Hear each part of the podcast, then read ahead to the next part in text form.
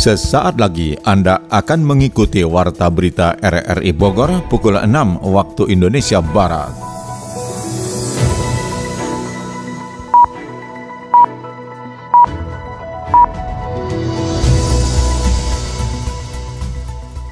Selamat pagi. Saudara, kita kembali bersua lewat Warta Berita Minggu 25 September 2022 dan setiap akhir pekan berita kami isi dengan rangkuman berita sepekan. Siaran ini juga dapat Anda dengarkan melalui audio streaming RRI Play dan turut disiarkan Radio Tegar Beriman Kabupaten Bogor. Bersama saya Mukhlis Abdillah inilah rangkuman berita sepekan selengkapnya.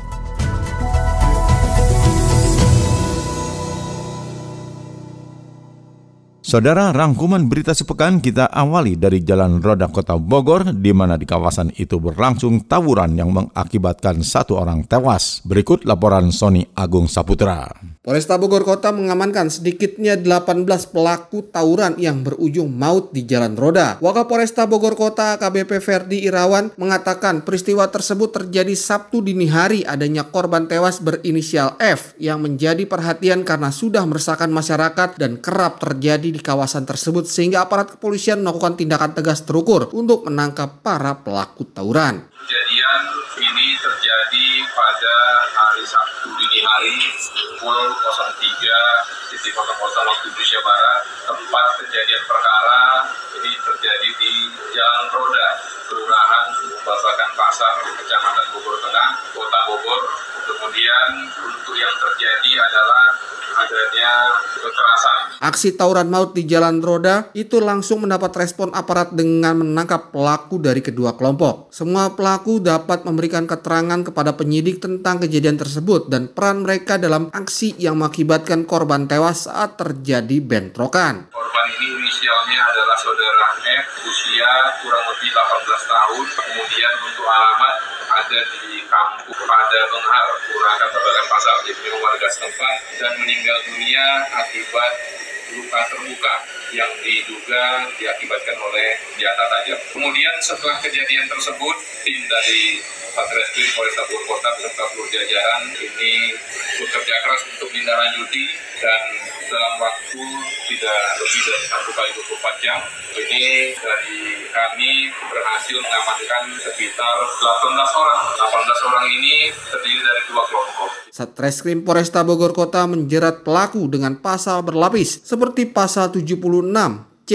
Junto pasal 80 Undang-Undang RI nomor 35 tahun 2014 tentang perubahan atas Undang-Undang RI nomor 23 tahun 2022 tentang perlindungan anak dengan ancaman hukuman maksimal 15 tahun penjara. Kemudian pasal 2 Undang-Undang Darurat nomor 12 tahun 1951 tentang penggunaan senjata tajam dengan ancaman hukuman 10 tahun penjara. Warga korban longsor di Kampung Curug, Desa Bojongkoneng, Kecamatan Babakan Madang, Kabupaten Bogor akan dipindahkan dari zona merah rawan keretakan tanah di wilayah tersebut. Yofri Haryadi menurunkan catatannya. Warga korban longsor di Kampung Curug, Desa Bojongkoneng, Kecamatan Babakan Madang, Kabupaten Bogor akan dipindahkan dari zona merah rawan keretakan tanah di wilayah tersebut. Hal itu disampaikan PLT Bupati Bogor Iwan Setiawan setelah menerbitkan perbub dan menerapkan status gawat darurat penanganan penanganan pergeseran tanah di desa itu. Dengan penetapan status tanggap darurat, Pemkap Bogor mengalokasikan APBD sebesar 90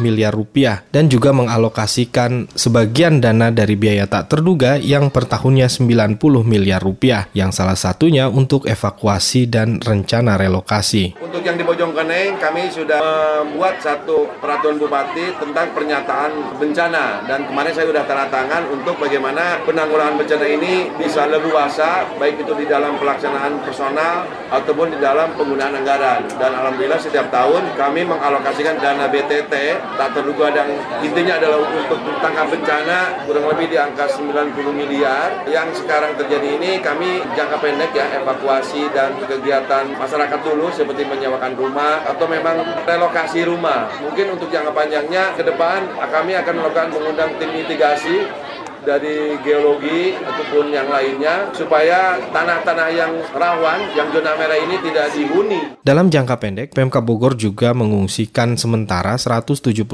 kepala keluarga terdampak longsor di dua RW di Kampung Curug. Salah satu lokasinya adalah Padepokan Garuda Yaksa milik Menteri Pertahanan Prabowo Subianto. Sementara itu, dalam kunjungan kerjanya, Ketua DPRD Kabupaten Bogor Rudi Susmanto menjanjikan penataan dan melakukan pendekatan serta agar warga mau direlokasi. Karena saya pun sempat tinggal di sini dari tahun 2007. Di sini memang tanahnya tanah labil, tapi memang kondisi hari ini pergeseran tanahnya memang sangat masif. Area yang terdampaknya memang cukup luas dan ada beberapa kepala keluarga hari ini yang terdampak. Tentunya BPBD sendiri dari awal kita sudah mengingatkan beberapa kali untuk segera membuat peta mitigasi bencana jadi area-area yang digunakan untuk wilayah permukiman kita bisa tata dan tentunya karena masyarakat sini pun adalah tumpah darah kelahirannya. Jadi memang cukup sulit.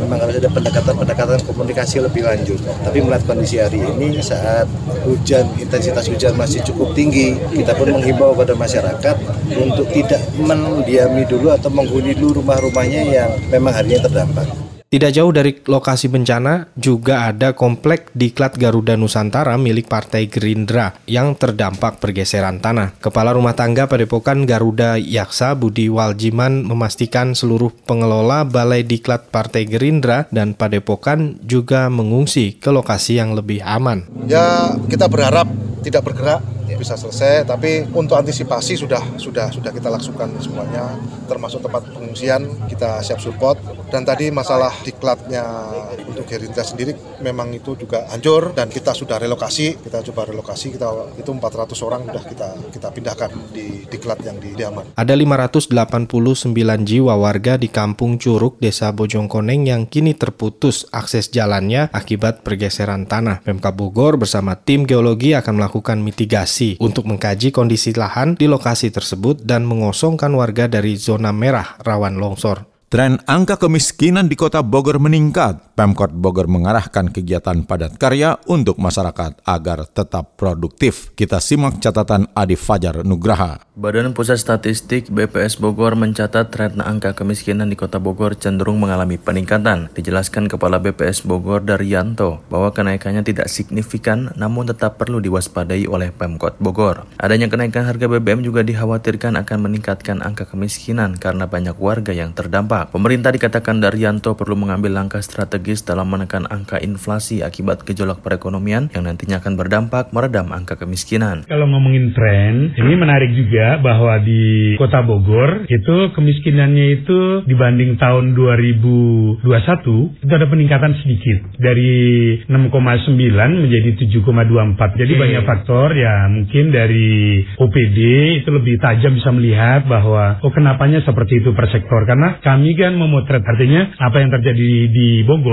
kita potret dengan tools yang kami punya yaitu dengan mengumpulkan data survei sosial ekonomi nasional sana bisa dipotret. Oh seperti apa sih kota Bogor? Selain mengoptimalkan bantuan sosial kepada masyarakat dalam upaya menekan gejolak ekonomi daerah Pemkot Bogor melalui Sekretaris Daerah Kota Bogor Syarifah Sofia mengatakan pihaknya akan mengarahkan beberapa anggaran untuk menciptakan kegiatan padat karya untuk masyarakat. Hal itu bertujuan agar masyarakat tetap produktif dan tidak selalu bergantung pada bantuan sosial yang kemungkinan tidak akan cukup sepenuhnya untuk memenuhi kebutuhan sehari-hari. Kita mau dari DPU ini kita gunakan untuk apa? Kita berpikir bagaimana kalau misalnya kegiatan-kegiatan padat karya. Itu jadi ada beberapa kegiatan APBD dan juga kita ciptakan kegiatan baru yang sifatnya padat karya sehingga masyarakat membuka lapangan pekerjaan sekaligus juga mereka punya penghasilan. Pemkot Bogor lanjut Sekda juga akan memberikan ruang bagi masyarakat untuk terlibat dalam program pembangunan yang diharapkan dapat membantu kesejahteraan masyarakat. Paling nggak kalau padat karya itu kita kan tiap tahun ada pekerjaan-pekerjaan misalnya membangun pedestrian, hmm. membangun TPT dan itu biasanya kan untuk jumlah tertentu itu dilakukan pelelangan. Nah ini mungkin nanti bisa saja jumlah Langsung untuk ya, yang tertentu misalnya yang PL itu kita wajibkan bahwa itu harus dilakukan swakelola dengan padat karya ya. sehingga bisa merekrut tenaga kerja yang lebih besar. Pemerintah dari pusat hingga ke daerah akan terus berupaya menjaga daya beli masyarakat serta meredam inflasi dampak dari kenaikan harga BBM dan sejumlah kebutuhan pokok. Masyarakat juga diharapkan dapat menggunakan bantuan sosial dengan kegiatan produktif yang dapat menunjang kebutuhan sehari-hari. Semangat bener joggingnya. Iya tuh kudu semangat biar tetap sehat nih Bu. Sehat kan mahal. Ih, setuju Bu. Kalau udah sakit mah boro-boro olahraga ya. Yang ada masuk rumah sakit. Bener. Kalau kata orang mah mensana incorpore sano alias di dalam tubuh yang sehat teh terdapat jiwa yang kuat bu. Ini teh ngomong-ngomong mau jogging ke mana bu? Mau jogging ke alun-alun sekalian cuci mata ah bu. Di sana kan suka banyak barang obral murah. Siapa tahu dapet. Atuh kalau gitu saya mau ikut jogging ah biar sehat juga. Sekalian beli barang obralan. Eh, eh, eh, ibu mau ke mana ini teh? Mau jogging apa? Biar sehat. Kalau ibu jogging nanti bapak sarapan apa? Beli nasi uduk di Janap aja ya. Bu, bentar ya Bu, saya ganti legging macan dulu. Jangan lama-lama ya Bu, keburu panas ntar. Sebuah jembatan penghubung antar desa di Kecamatan Babakan Madang, Kabupaten Bogor terputus. Yofri Haryadi melaporkan. Sebuah jembatan penghubung antar desa di Kecamatan Babakan Madang, Kabupaten Bogor terputus, mengakibatkan 650 kepala keluarga di Desa Sumur Batu tidak memiliki akses untuk melewati Kali Cicadas. Ambruknya jembatan Cicadas dilaporkan pada Kamis kemarin dan telah mendapat penanganan dari Tim Reaksi Cepat TRC Badan Penanggulangan Bencana Daerah BPBD Kabupaten Bogor. Salah seorang anggota Tim Reaksi Cepat BPBD Kabupaten Bogor, Asep Awaludin mengatakan dugaan sementara ambruknya jembatan sepanjang 24 meter dengan lebar 2,5 meter itu akibat pondasi dan beton penahan badan jembatan yang tidak kuat menahan luapan kali Cicadas. Kejadiannya pukul 7 pagi, waktu ya masih pagi, otomatis anak-anak sekolah udah lewat gitu. Karena posisi jembatan ini bawahnya tergerus air, nah, jadi diamblas. Amblas bagian bawah sananya memang habis terkikis dengan panjang jembatan itu hampir 30 meter ke sana. Hmm. itu. Kalau dari longsorannya sampai ujung sana itu sudah diukur 30 meter. Ini akses e, masyarakat di sini, ada yang sekolah juga untuk ke Kampung Cicadas. Korban jiwa alhamdulillah tidak ada. Jembatan Aduh. ini dibangun pada tahun 2004. 2004. Ada perbaik. Jembatan gantung yang menghubungkan Desa Babakan Madang dan Desa Sumur Batu di Kecamatan Babakan Madang, Kabupaten Bogor itu ternyata sudah melewati dua kali perbaikan atau renovasi oleh pemerintah desa setempat. Hal itu diungkapkan Iskandar, Sekretaris Desa Babakan Madang. Jembatan ini sudah lama dibangun pemerintahan Desa Babakan Madang melalui anggaran PPK tahun 2004 yang lalu sewaktu zamannya Ibu Haji Oden dan pernah direhabilitasi pada tahun 2011 oleh pemerintahan desa juga ketika itu Bapak Haji Epi Hafiz Nasrullah. Ini penghubung dua dua dusun, dusun 4 dan dusun 3 dan juga dipakai akses oleh masyarakat eh, desa Sumur Batu yang ada di kampung Babakan Jengkol. Terutama anak-anak sekolah yang SD 06 di Cicadas ini. Warga di sana itu Pak RW kurang lebih ada sekitar 650 kakak ya. Akibat terputusnya jembatan antar dusun itu, pelajar SDN 5 Sumur Batu harus berputar arah dan diakomodir oleh mobil siaga desa Babakan Madang, khususnya pada pada pagi saat berangkat sekolah. Mereka berjalan memutari Jalan Puncak 2 menempuh jarak 3 hingga 4 km. Sebanyak 24 dari 40 kecamatan di Kabupaten Bogor merupakan wilayah rawan bencana tanah longsor dan pergerakan tanah. Adi Fajar Nugraha menurunkan laporannya. Badan Penanggulangan Bencana Daerah BPBD Kabupaten Bogor memetakan sebanyak 24 dari 40 kecamatan di Kabupaten Bogor menjadi wilayah rawan bencana longsor dan pergerakan tanah. Pasca bencana pergerakan tanah dan longsor yang terjadi di beberapa wilayah, masyarakat diimbau untuk meningkatkan kewaspadaannya. Kepala Bidang Pencegahan dan Kesiapsiagaan BPBD Kabupaten Bogor Agus Suyatna menjelaskan, dari 24 kecamatan rawan bencana longsor dan pergerakan tanah terbagi menjadi beberapa zona yakni timur, selatan, dan barat. Kalau kita bagi zona, sebetulnya yang rawan bencana itu zona timur. Timur itu meliputi yang sekarang nih Babakan Madang ya, Desa Bojongkoneng. Kemudian sekitar Sukamakmur itu memang lebih cenderung rawan terhadap longsor ya, longsor dan pergerakan tanah nih. Kemudian wilayah selatan, selatan itu daerah Cisarua, Desa Mendung, Ciawi, termasuk juga dengan Caringin, daerah Cijeruk juga sama itu rentan terhadap longsor. Nah daerah barat kita masukkan zona barat itu mulai dari Pamijahan, Wiliang, Cigudeg, Sukajaya. Nah itu memang daerah-daerah tersebut yang kategorinya rawan longsor. Agus mengungkapkan sejumlah wilayah tersebut menjadi rawan longsor dan pergerakan tanah dikarenakan topografi wilayah dan kontur tanahnya cenderung labil sehingga sekalipun tidak terjadi hujan atau cuaca buruk potensi bencana tetap tinggi. Karena memang topografinya kan itu berbukit-bukit dan artinya penyebab longsor itu juga tidak mesti harus hujan. Dia tanpa hujan pun punya peluang. Karena memang daerah sebut kan daerah yang tanahnya labil ya. Jadi kalau bahasa orang geologi itu secara morfologi itu daerah berbukit ya, berbukit yang bergelombang. Itu hampir sebagian topografi tanahnya ya memang di bawahnya itu sangat sangat labil ya terhadap air juga, tapi juga tidak mesti air hujan. Ada satu ketika dia juga air itu tidak terkontrol, baik drainase dan sebagainya itu yang menyebabkan juga bisa longsor. Kecamatan Megamendung menjadi salah satu wilayah di zona selatan yang rawan terjadi bencana longsor dan pergerakan tanah. Guna meminimalisir potensi itu, Camat Megamendung Acep Sajidin meminta masyarakat melakukan mitigasi bencana sedini mungkin. Dari 12 desa di wilayah Megamendung, pihaknya Tutur Acep telah masif melakukan program penghijauan dan penanaman pohon di masing-masing rumah warga.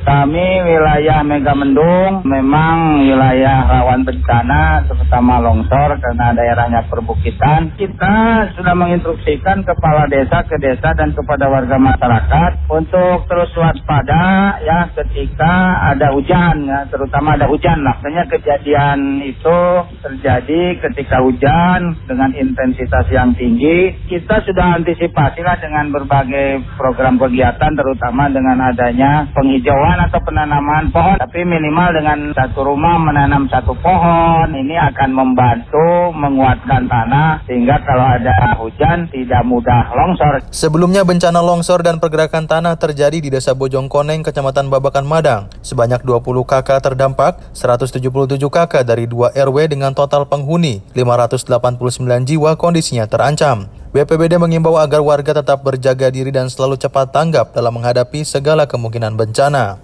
Perusahaan daerah atau Perumda Jasa Transportasi Kota Bogor menyiapkan program bis ramah lingkungan. Kita simak catatan Sony Agung Saputra. BUMD bidang transportasi di Kota Bogor terus berkembang dengan adanya layanan bis kita Transpakuan yang melayani sejumlah koridor di kota atau wilayah Kabupaten Bogor seperti Sentul, Babakan, Madang. Untuk itu saat ini Perumda Jasa Transportasi terus melakukan perbaikan kinerja agar bisa melayani masyarakat dengan pengemudi yang prima dan awak angkutan termasuk petugas tiketing yang baik. PLT Direktur Utama Perumda Jasa Transportasi Rahmanisa Fadlia menjelaskan saat ini pihaknya sudah mendapatkan satu unit tambahan bus pariwisata untuk melayani masyarakat. Bus pariwisata yang sudah ada akan menjadi salah satu sektor pendapatan dari BUMD tersebut sehingga bisa menjadi sumber kesejahteraan bagi karyawan karena saat ini BUMD sedang berada dalam fase pemulihan setelah beberapa tahun yang lalu sempat vakum beroperasi. Jadi memang itu rencananya akan kita komersialkan. Kita berterima kasih yang sebesar-besarnya kepada Pemkot uh, bisa memberikan semangat baru lagi untuk Perumda kan gitu ya, gitu. Tapi memang rencananya ke depan akan dijadikan pariwisata.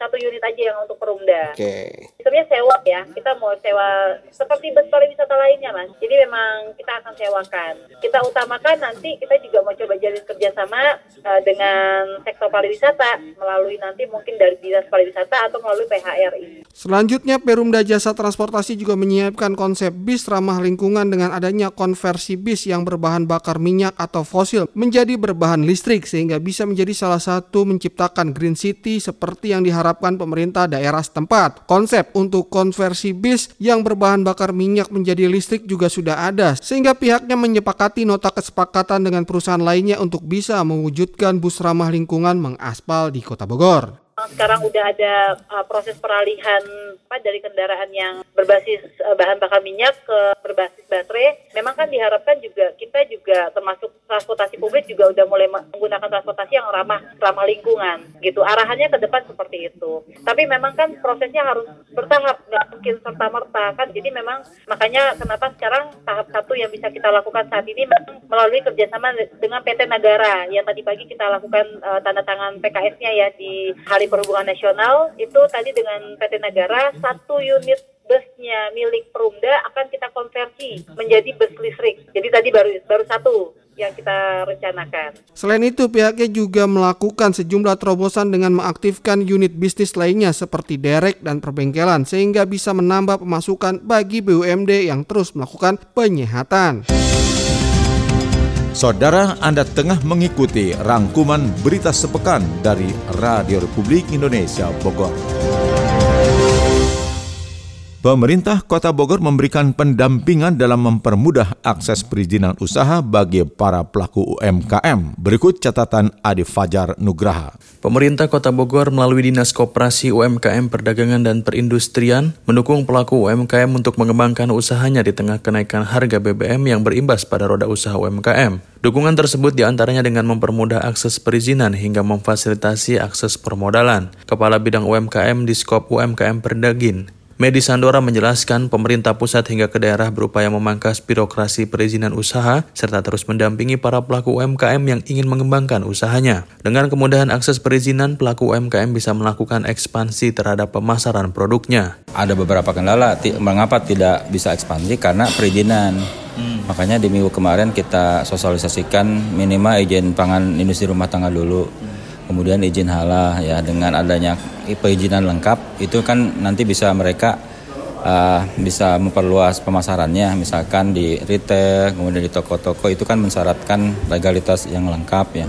Sebenarnya pemerintah sekarang udah mempermudah ya. Pertama dari um, no, apa izin usaha namanya NIB nomor induk berusaha. Nah ini kan kalau dulu uh, apa namanya ada siup segala macam kan sudah dihapus ya Nah dengan NIB ini uh, masyarakat bisa melalui OSS Go ID me, apa namanya menginput datanya, kemudian juga kalau misalkan kategorinya menengah rendah, meneng, kalau menengah rendah kemudian mikro itu dengan sendirinya cepat keluarnya. Selain izin usaha tutur medi, adanya tuntutan sertifikasi halal juga menjadi kendala para pelaku UMKM. Untuk itu pihaknya pun kini memberikan kemudahan dalam pengajuan sertifikasi halal tersebut dengan self-declare atau pernyataan keamanan dan kesehatan terhadap produk UMKM sesuai dengan syariat Islam. Kemudian yang ketiga halal, halal pun sekarang dipermudah dengan adanya pernyataan sendiri atau self-declare bagi produk-produk tertentu ya.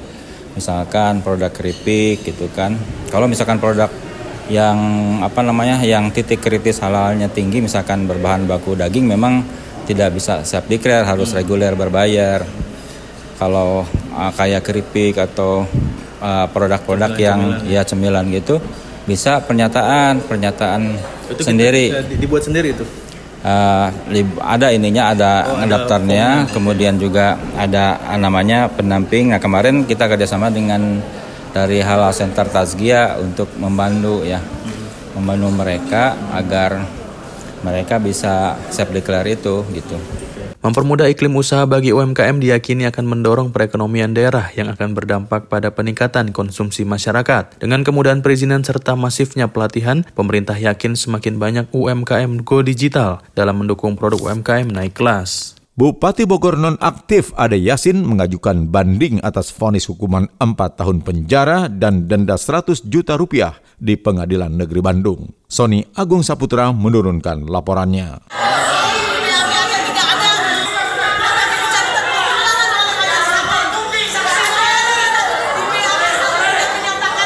Majelis Hakim Tindak Pidana Korupsi Bandung yang ketuai Hera Kartiningsi memfonis Bupati Bogor nonaktif Ade Yasin dengan hukuman 4 tahun penjara karena terbukti bersalah dalam persidangan melakukan tindak pidana suap atas kasus BPK Provinsi Jawa Barat. Dalam amar putusan itu, Majelis Hakim menjatuhkan vonis lebih tinggi satu tahun atas tuntutan jaksa penuntut umum selama tiga tahun penjara karena terdakwa melanggar pasal 5 Undang-Undang Tipikor nomor 30 tahun 99 yang diubah Undang-Undang Nomor 20 tahun 2001 Junto Pasal 55 Junto Pasal 54 KUHP. Vonis Majelis Hakim tersebut langsung mendapat respon dari penasihat hukum Bupati Bogor nonaktif Ade Yasin Dina Lara Butar-Butar yang menyatakan banding ke Pengadilan Tinggi Tindak Pidana Korupsi Jawa Barat. Ada beberapa kejanggalan yang menyebabkan penasihat hukum menyatakan banding sehingga meminta adanya keadilan bagi kliennya.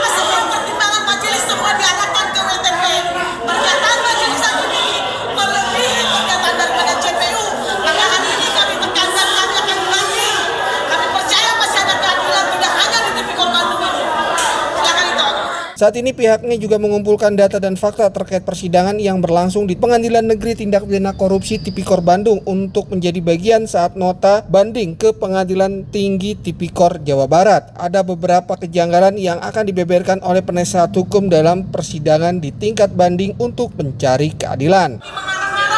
melebihi karangannya melebihi karangan daripada JPU. Maka kita lihat pertimbangan majelis hakim saudara majelis hakim itu hadir di dalam pertemuan yang dilakukan Iksan.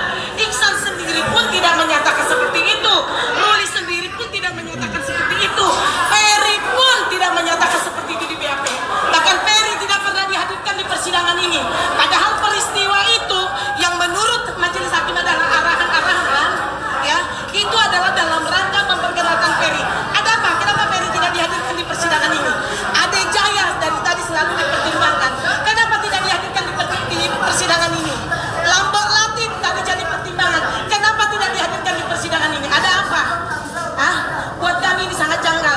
Untungnya kami punya rekaman di setiap persidangan. Pernyataan-pernyataan yang dikatakan oleh majelis hakim tadi itu saksi tidak pernah nyatakan, tapi punya rekamannya.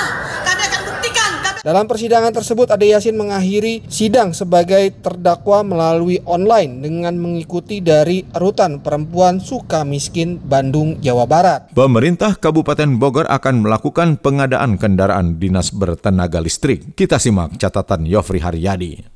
Pemerintah Kabupaten Bogor akan melakukan pengadaan kendaraan operasional dinas bertenaga listrik. Pengadaan tersebut sebagai respon positif Pemkab Bogor terhadap rencana pemerintah pusat yang akan mengkonversi kendaraan berbahan bakar minyak ke kendaraan listrik. Seperti diungkapkan PLT Bupati Bogor Iwan Setiawan usai upacara Hari Perhubungan Nasional ke-51 di lapangan Tegar Beriman Cibinong. Menurut PLT Bupati Iwan Setiawan, kendaraan bertenaga listrik tidak akan terpengaruh dengan kenaikan harga BBM. Akan tetapi sarana dan prasarananya belum menunjang jika dioperasikan secara masif. Kami pada prinsipnya sangat mensupport dan mendukung ya apa yang direncanakan, programkan oleh pemerintah pusat bagaimana pemindahan atau konversi dari mobil BBM ya, mobil bensin atau berbahan bakar menjadi mobil listrik. Ini eh, mungkin melalui proses ya, tapi memang harus ada satu langkah konkret ya. Kita akan secara simbolik kalau memang memungkinkan tahun depan atau ini pengadaan alat kendaraan operasional ya. Bisa dinas dulu yang kita fasilitasi, kita tes dulu gitu. Rencananya Pemkab Bogor akan menguji coba pengadaan kendaraan dinas listrik untuk dinas perhubungan dan akan diuji coba dan dievaluasi keberlanjutannya. Apakah dimungkinkan untuk dilakukan pengadaan secara massal untuk memenuhi kebutuhan transportasi kedinasan Pemkab Bogor. Karena kalau secara masif tidak mungkin karena infrastruktur juga yang sampai hari ini kan kita belum dari kementerian ke Kabupaten Bogor apa yang memang dipersiapkan infrastruktur untuk perawatan, pemeliharaan dan pengurusan mobil listrik. Nah ini penting juga Pak. Jadi kalau kami masif seluruhnya memakai, mungkin kalau tingkat Kabupaten Bogor sih bisa lah kita satu dua Saat ini terdapat 4 perusahaan bus listrik, 3 perusahaan mobil listrik, dan 31 perusahaan kendaraan roda 2 bertenaga listrik di Indonesia. Pemerintah daerah melalui Dinas Perhubungan Kabupaten Bogor akan melakukan uji coba penggunaan mobil tersebut sebagai operasional kendaraan lapangan petugas. Sebuah bangunan madrasah ibtidaiyah di Ciberem, Sukabumi rusak akibat tanah bergerak seperti dilaporkan Adi Fajar Nugraha. Bencana pergerakan tanah terjadi di wilayah Desa Rambai, Kecamatan Tegal Bulet, Kabupaten Sukabumi. Akibat pergerakan tanah, satu bangunan sekolah Madrasah Ibtidaiyah di Kampung Ciberem mengalami kerusakan. Kepala Madrasah Ibtidaiyah Ciberem Kamaludin menjelaskan saat bencana terjadi, para siswa tengah melakukan kegiatan belajar mengajar. Beruntungnya para siswa dan guru cepat tanggap untuk keluar dari bangunan sekolah dan langsung mengungsi ke tempat yang lebih aman. Kamaludin mengaku bencana pergeseran tanah bukan pertama kalinya terjadi, karena di tahun 2021 pernah terjadi bencana serupa. tiba-tiba karena bergerak yang belajar anak eh, langsung dikeluarkan diantisipasi tanda-tandanya sudah ada dari sejak dulu gitu ya tanda-tandanya pernah 2001 eh, tanah bergeser dari sini sampai lapang lapang poli penggerak bergerak sampai dalamnya 30 cm ya. Ini langsung eh, di sini longsor. Karena kondisi ya kondisi yang belum ada istilahnya itu dana ya anggaran ya. sehingga kami bertahan untuk anak belajar di sini masih bisa dipertahankan dilihat dari segi uh, kemampuan bangunan masih kuat ya. kalau dilihat terletak yang parah itu dua dua lokal uh, semua retak-retak biasa semuanya retak sementara uh, antisipasi kami belajar menggunakan bangun yang masih agak kokoh gitu. Sementara itu Sekretaris Kecamatan Tegal Bulet Cupriyatna mengungkapkan peristiwa retakan tanah terjadi setelah wilayah tersebut diguyur hujan deras pada Rabu hingga Kamis lalu. Ditambah wilayah Desa Rambai merupakan zona rawan longsor dan pergerakan tanah akibat kontur tanah yang labil. Terjadi ada pergeseran tanah di Madrasah Hidayah Ciberem, Desa eh, Rambai, Kecamatan Tegal Bulet. Ya untuk pembelajaran memang tadi alhamdulillah tidak ada korban jiwa, siswa dipindahkan ke tempat yang agak sedikit aman. Di Ramai memang sangat rawan pergeseran tanah, mungkin karena uh, cuaca dan geografis tanahnya. Gitu. Untuk harapan uh, kami nanti memohon kepada Pak Bupati khususnya, minta kepada pemerintah Kabupaten Sukabumi, khususnya BPBD, untuk meminjamkan tenda untuk kegiatan belajar mengajar supaya tidak terganggu kegiatan siswa tersebut. Tidak ada korban luka maupun jiwa atas kejadian tersebut. Pemerintah desa setempat telah melaporkan kejadian tersebut ke pemerintah Kabupaten Sukabumi untuk ditindaklanjuti termasuk melakukan asesmen terhadap lokasi kejadian bencana. Saudara, demikian rangkuman berita sepekan dari RRI Bogor pagi ini. Siaran ini dapat Anda dengarkan kembali melalui podcast kami di Spotify, Anchor, Podtail, dan Google Podcast. Saya Muhlis Abdillah merangkap Des Editor bersama penata teknik Naufal Noviansyah mengucapkan terima kasih atas kebersamaan Anda. Selamat berakhir pekan.